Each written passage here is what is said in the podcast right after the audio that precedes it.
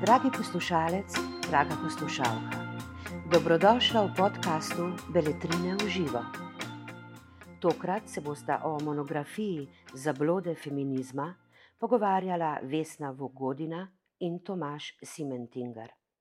Spoštovane dame, cenjeni gospodje, lepo pozdravljeni in dobrodošli v Beletrini v živo. Tokrat se bomo pogovarjali z avtorico, dr. Vesno Vuk Godina. Dobro jo poznamo kot publicistko, lucidno, marsikdaj precej kritično in tudi tokrat je svojo kritično razmišljanje usmerila v feminizem.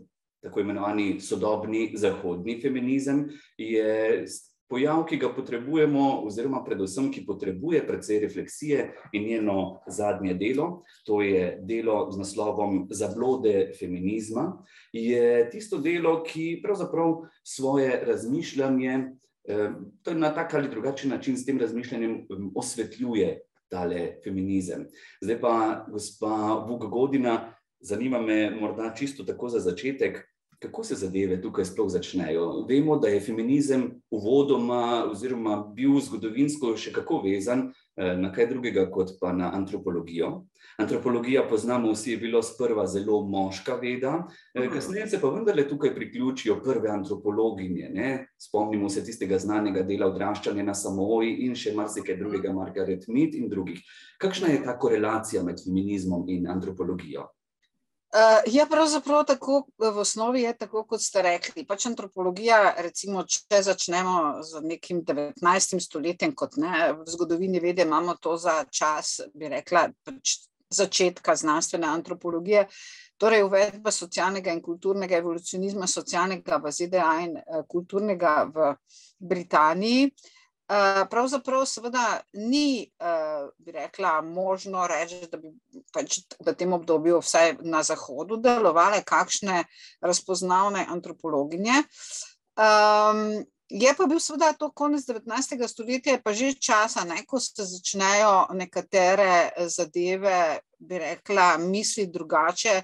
Z ženskega zornega kota, recimo literatura je tak primer. Uh, Hkrati pa po drugi strani imamo že koncem 19. in potem začetku 20. stoletja zunaj Evrope, imamo pa ženske antropologinje. Tako da ta, bi rekla, moška dominacija v vedi, ki je potem nekako popustila v 20. oziroma 30. letih, ne, ko ste omenili, se pojavi Margaret Mead, oziroma v resnici se pojavi prej Ruth Benedikt kot asistentka Franca Boasa, in potem Midova kot naj, ena pač najmlajših študentk njunih, ne, ker je bila Benediktova, seveda, pač je bila tudi njena profesorca oziroma asistentka. In potem skupaj z Edwardom Sapirjem oblikujejo slavno triperesno deteljico v ameriški antropologiji, ki dejansko pripelje posameznika v vedo. Ne, se pravi, posameznik postane predmet antropologije, ker predmet antropologije so bile neevropske družbe ali pa neevropske kulture, s posamezniki pa se podobno kot Dirkamova sociologija, antropologija takrat ni ukvarjala. Tako da v resnici um, tako slabo spet ni bilo, ne, kot se bi rekla, rado prikazuje. Uh, antropologinje so res niso, bi rekla, v začetku druge polovice, mislim, v začetku ved, institucionalizacije, videti, torej v drugi polovici 19. stoletja igrali kakšno pomembno vlogo, ampak v 20. stoletju pa že, in zunaj Evrope na začetku bolj kot v Evropi oziroma v ZDA. Eh, v ZDA potem se, vemo, ne, da seveda se bi rekla ta uh, zadeva, žal, s to triperecno deteljico zaradi medosebnih sporov konča.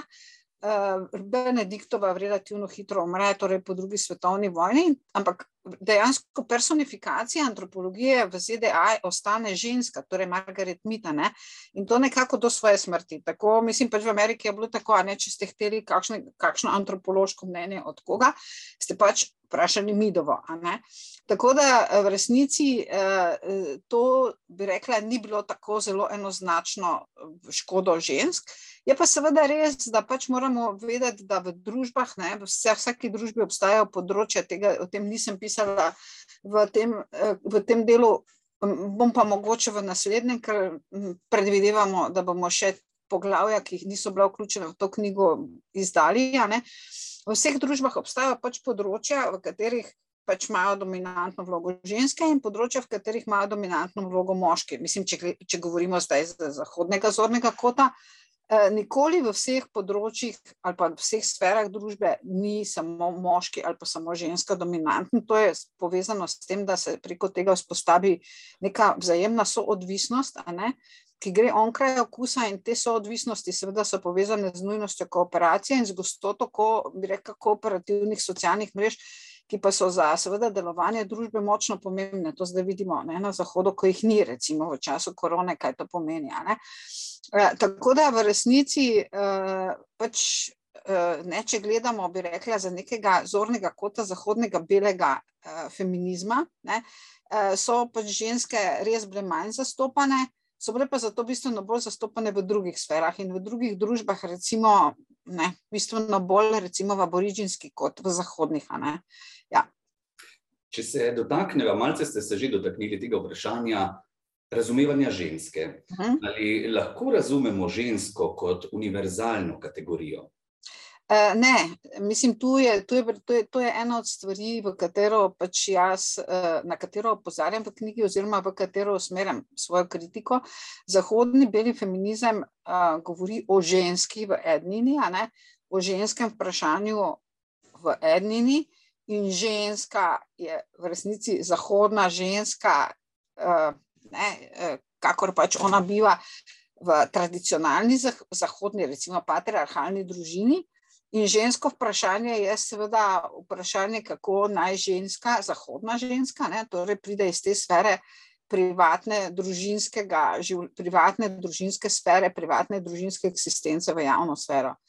Zdaj, uh, seveda, uh, Ena mojih temeljnih tez v knjigi je, da je zahodni sodobni beli in tudi že od začetka, tudi zahodni feminizem, od začetka v resnici ideološko polje. Ne, to pomeni, to ni teorija, pač zdaj nimava časa razlagati to zelo podrobno, ampak teorija je neko početje, kjer pač vzameš nekaj dejstva, imaš neke hipoteze, to preverjaš in če seveda hipoteza ne zdrži dejstev ali pa preverjanja, potem jo opustiš in oblikuješ novo.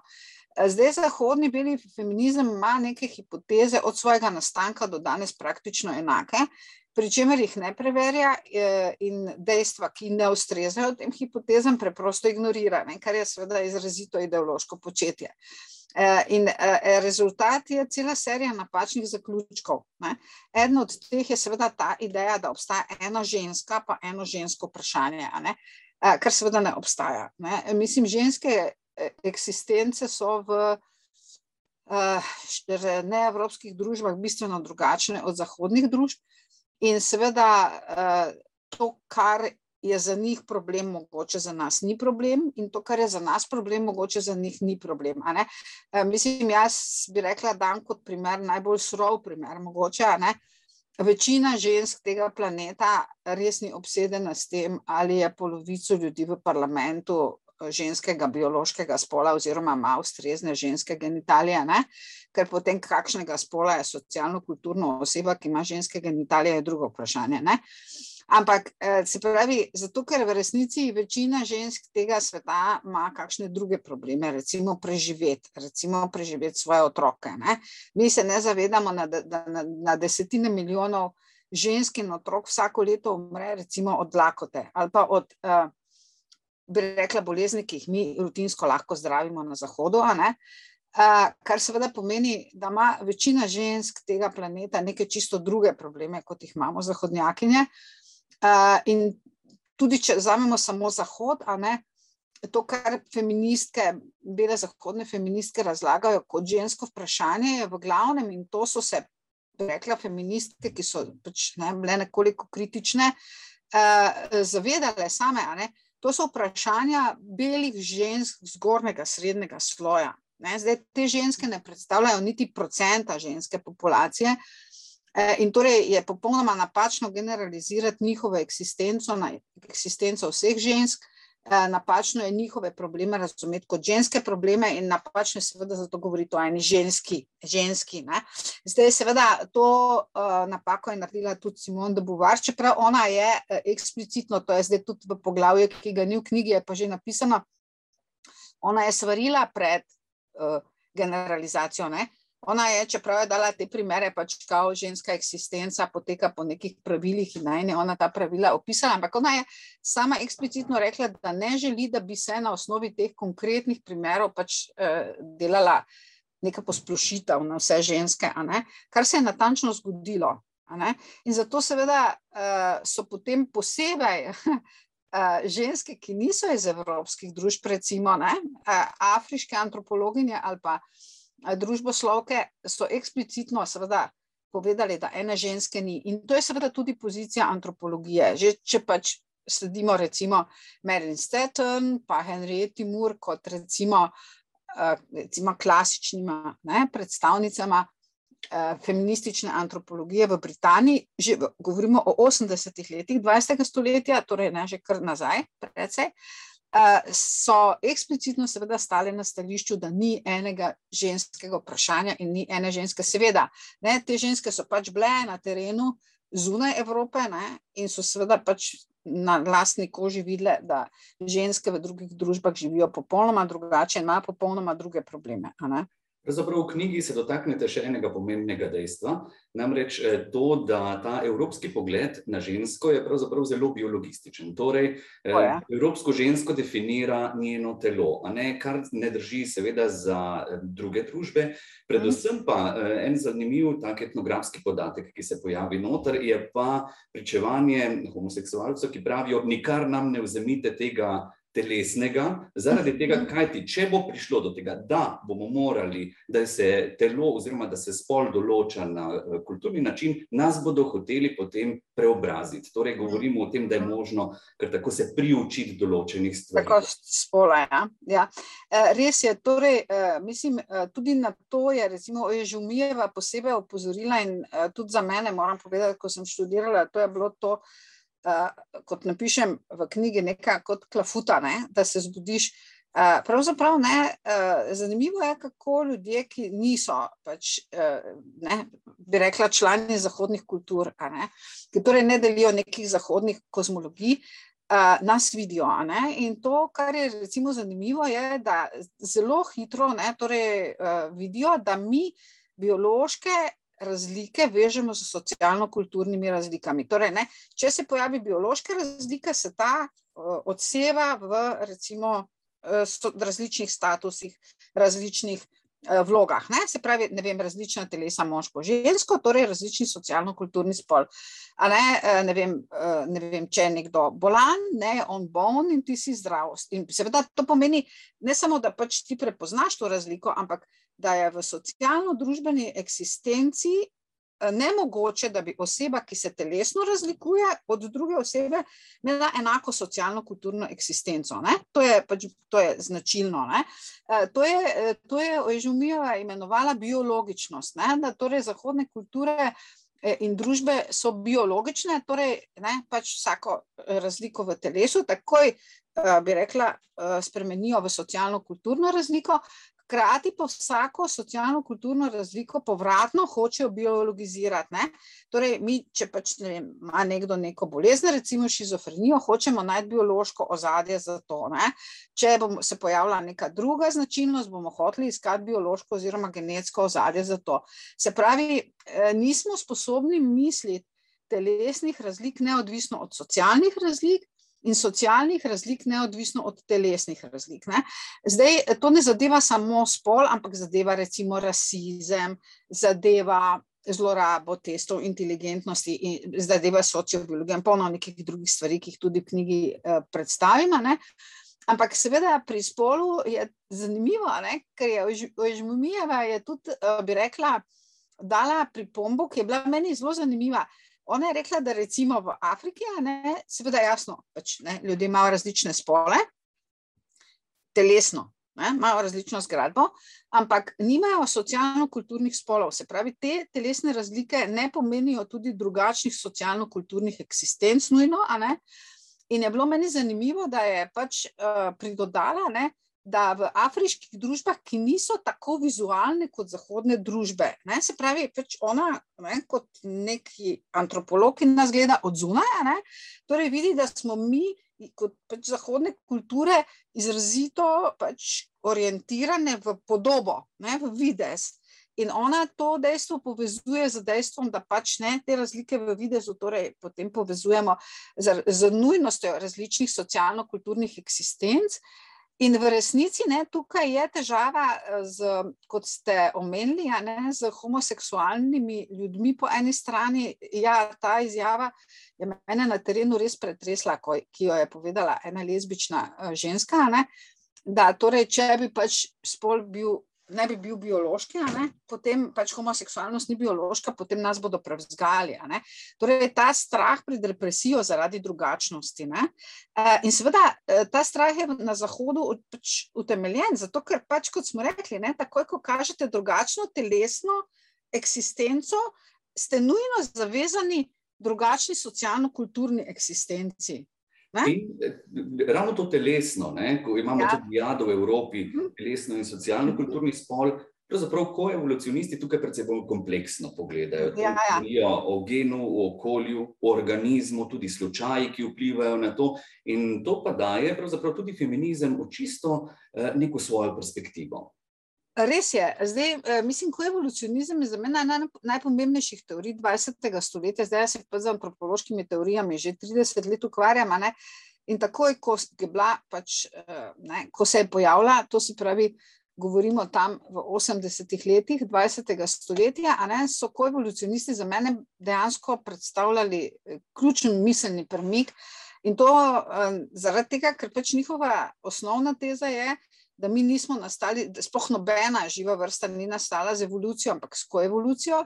Zdaj, ko evolucija je ne, bistveno bolj kompleksen proces od evolucije. Evolucija pač pomeni, da se samo organizem prilagaja okolju in tisti, ki se lažje, boljše prilagodi, bo preživel. Medtem ko koevolucija pa predpostavlja, da obstajajo štiri dejavniki, od katerih je, bi rekla, odvisno oblikovanje in preživetje vsakega organizma, torej tudi ne vem. Muhe, ravno tako kot človeka, Torej, to prvo so seveda geni, drugo je seveda okolje, ki je pri človeku socialno-kulturno okolje, potem je tu slučaj, recimo, ne vem. Ne? Mislim, je napaka v Černobilu, torej poveča se radiacija. To je slučaj nekaj, kar ni planirano, pa seveda vpliva na razvoj vseh organizmov, na katere pač ta vpliv lahko, do katerih ta vpliv lahko pride.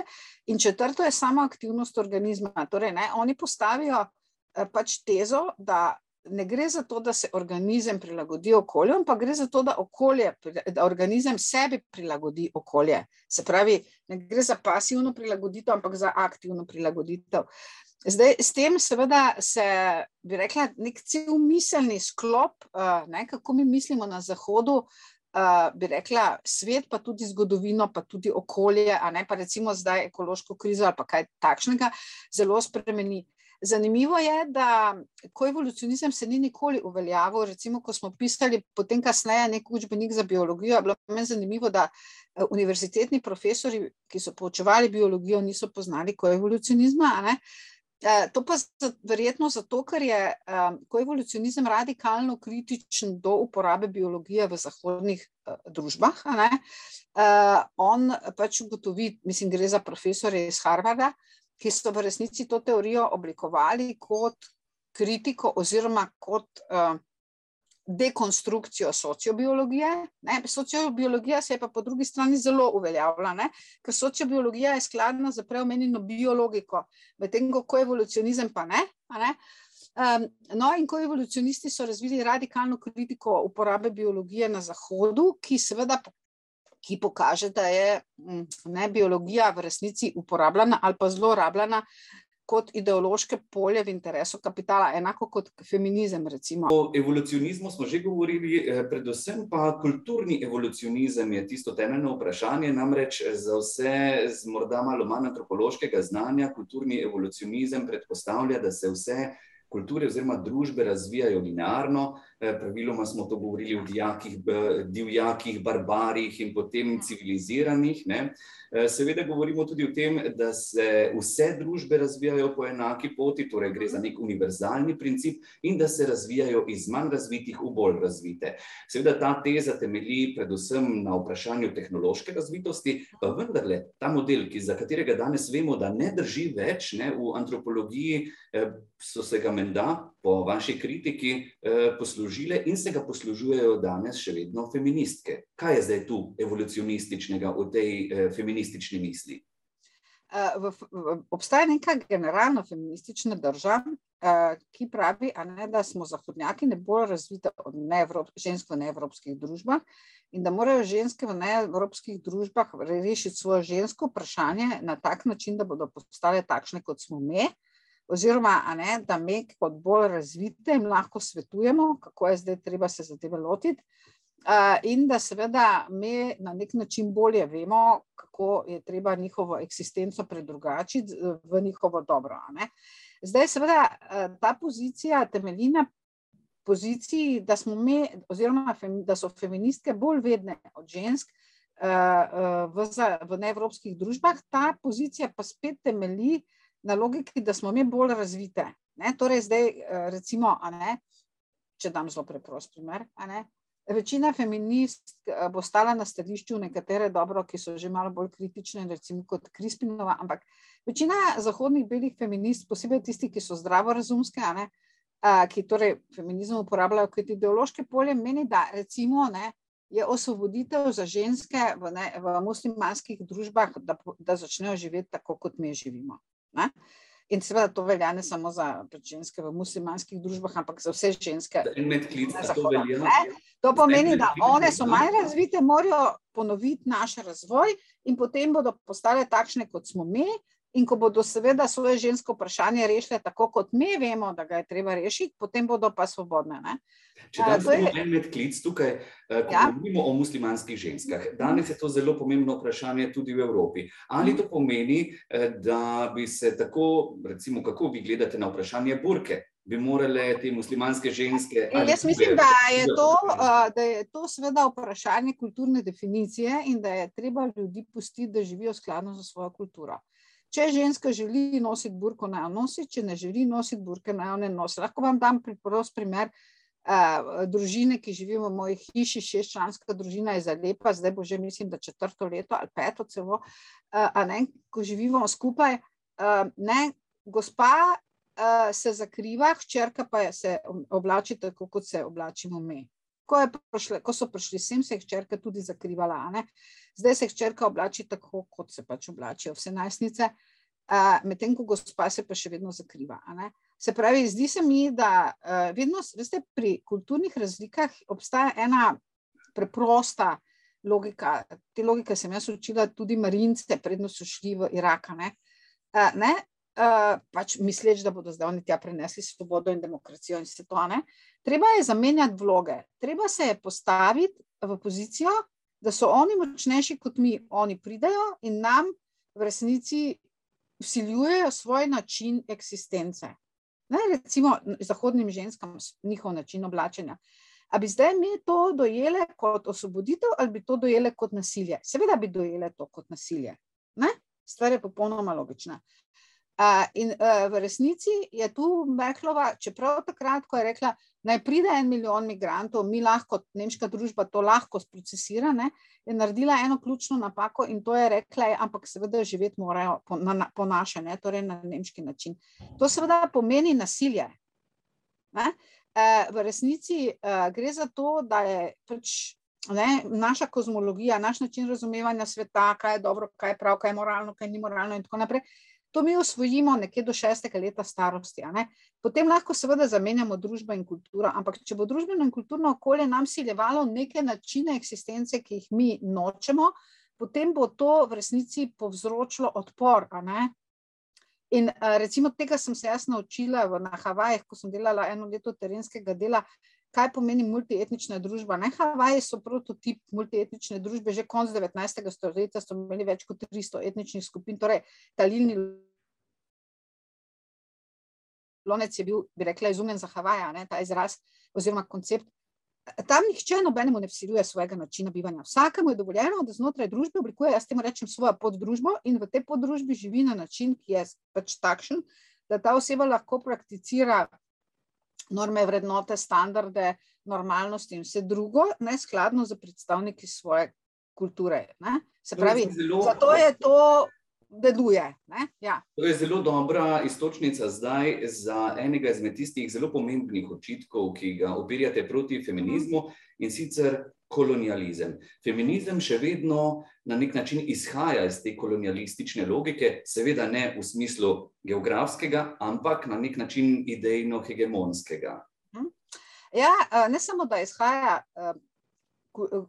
sodobni zahodni beli feminizem, jaz mislim, da je trenutno ena najbolj učinkovitih oblik zahodnega kulturnega kolonializma. In to tega, zaradi tega, ker je onkraj vsake kritike. Zdaj, če pač nekdo drug pride, ne? če bi moški prišli, če pride ameriška vlada, če pride ameriška vojska, če pride kdorkoli druga, ne? in reče, mi zdaj hočemo, da živite tako, kot mi hočemo. Bo to pač ne praviloma pri kritičnih intelektualcih na Zahodu rodilo rahlo dilemo, ne, oziroma recimo tudi lahko bolj burne kritike. Ne. Če bodo pa feministke prišle, pa so vsi tiho, ne. to je zanimivo. Ne. Se pravi, ja, zaradi tega, ker so feministke v resnici, feminizem se je začel kot tisto, zaradi česar jaz še vedno praznujem vsake 8. marca. Ne. Torej, feminizem se je začel kot gibanje za spremembo družbe, v kateri bo vsem ljudem, pa tudi ženskam, boljše. To se pravi, v resnici se je začel kot neko levo, leva kritika zahodnega kapitalizma in se je skozi stoletje spremenil v ideologijo po večjem vključevanju žensk v družbo, brez da jo spreminjamo. Ne? Se pravi, iz neke v resnici revolucionarne teorije, ki je zahtevala ukinitev družbe, pa zamenjavo družbe z neko drugo družbo, se je spremenil v ideologijo vedno večjega vključevanja, vse večjega števila žensk in vse več aspektov njihove eksistence.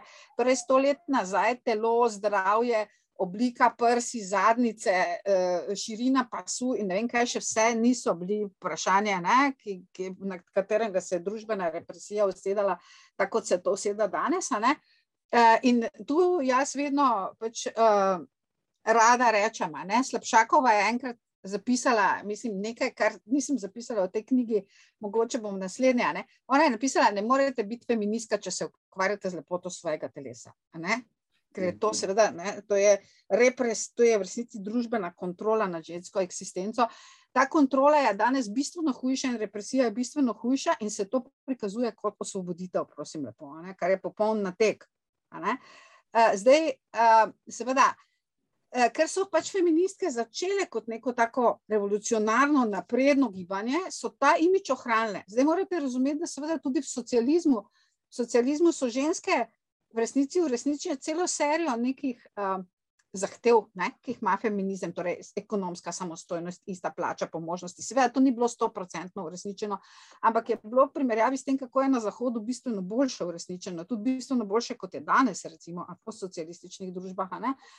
Uh, varstvo otrok, pa pač ne, pač socialne, bi rekla, institucije, ki podpirajo materinstvo in tako naprej. Se pravi, takrat je bil vrtec skoraj obvezen. Jaz se spomnim, da nisem hodila rada v vrtec, so me vsili v tisti vrtec, čeprav nisem hodila, ker je pač si mogel iti v vrtec skoraj. Ne? Ja, ne? Skratka, zadeva je taka, da danes je to postala ideologija za reprodukcijo družb oziroma zahodnega kapitalizma in njegovih mehanizmov, represije, pa seveda tudi eksploatacije. In kot tak se on izvaža na, bi rekla, ven iz zahodnih družb, ne evropske družbe, ne, na zahodne družbe, in v resnici feministke ta kolonializem širijo, ne da bi vedle, kaj širijo. Ne, ker večina feministk, jaz mislim, da resno misli, da je to, kar se zdaj dogaja, osvoboditev. Ne, zato se je meni tudi zdelo, da je treba to eksplicitno napisati, da to ni osvoboditev, to je natek, to je samo zamenjava ene podreditve za drugo podreditev. In zdaj ta druga podreditev je slabša od one, ki jo je produciral dom. Mislim, slabša potem, da je bolj represivna. Ne, zdaj o okusih ne bomo razpravljali. Feministke so pa untouchable zato, ker imajo ta imič, da so napredne, Ne? Vi, vi pravzaprav danes težko katerega koli levičarja slišite, da bo kritiziral feminizem. Če bi pa moški to isto naredil, kar feministke delajo, bi pa vsi planili na, na te moške.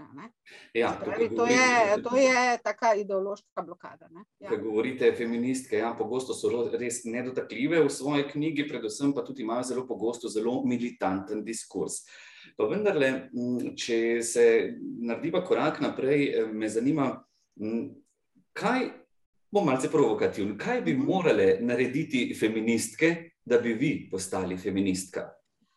Veste, uh, jaz bom rekla tako, v sprednji besedi kolega Rizma napiše, da, se, da je mogoče uh, celo tako, da jaz sem feministka, ampak bolj radikalna od teh, ki so pač feministke in zato se z njimi ne morem identificirati. Ne?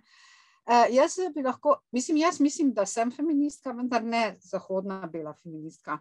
Ne? Ne. Jaz, mislim, da jaz bi postala feministka takrat, ko bi feminizem uh, spet obudil tisto, kar je bil na začetku. Torej, radikalno kritiko družbe in zahtevo po družbenih spremembah, ki pomenijo izboljšanje položaja ne zgolj privilegiranih belih žensk, ampak vseh ljudi na tem planetu, uh, seveda, to vključuje tudi ženske.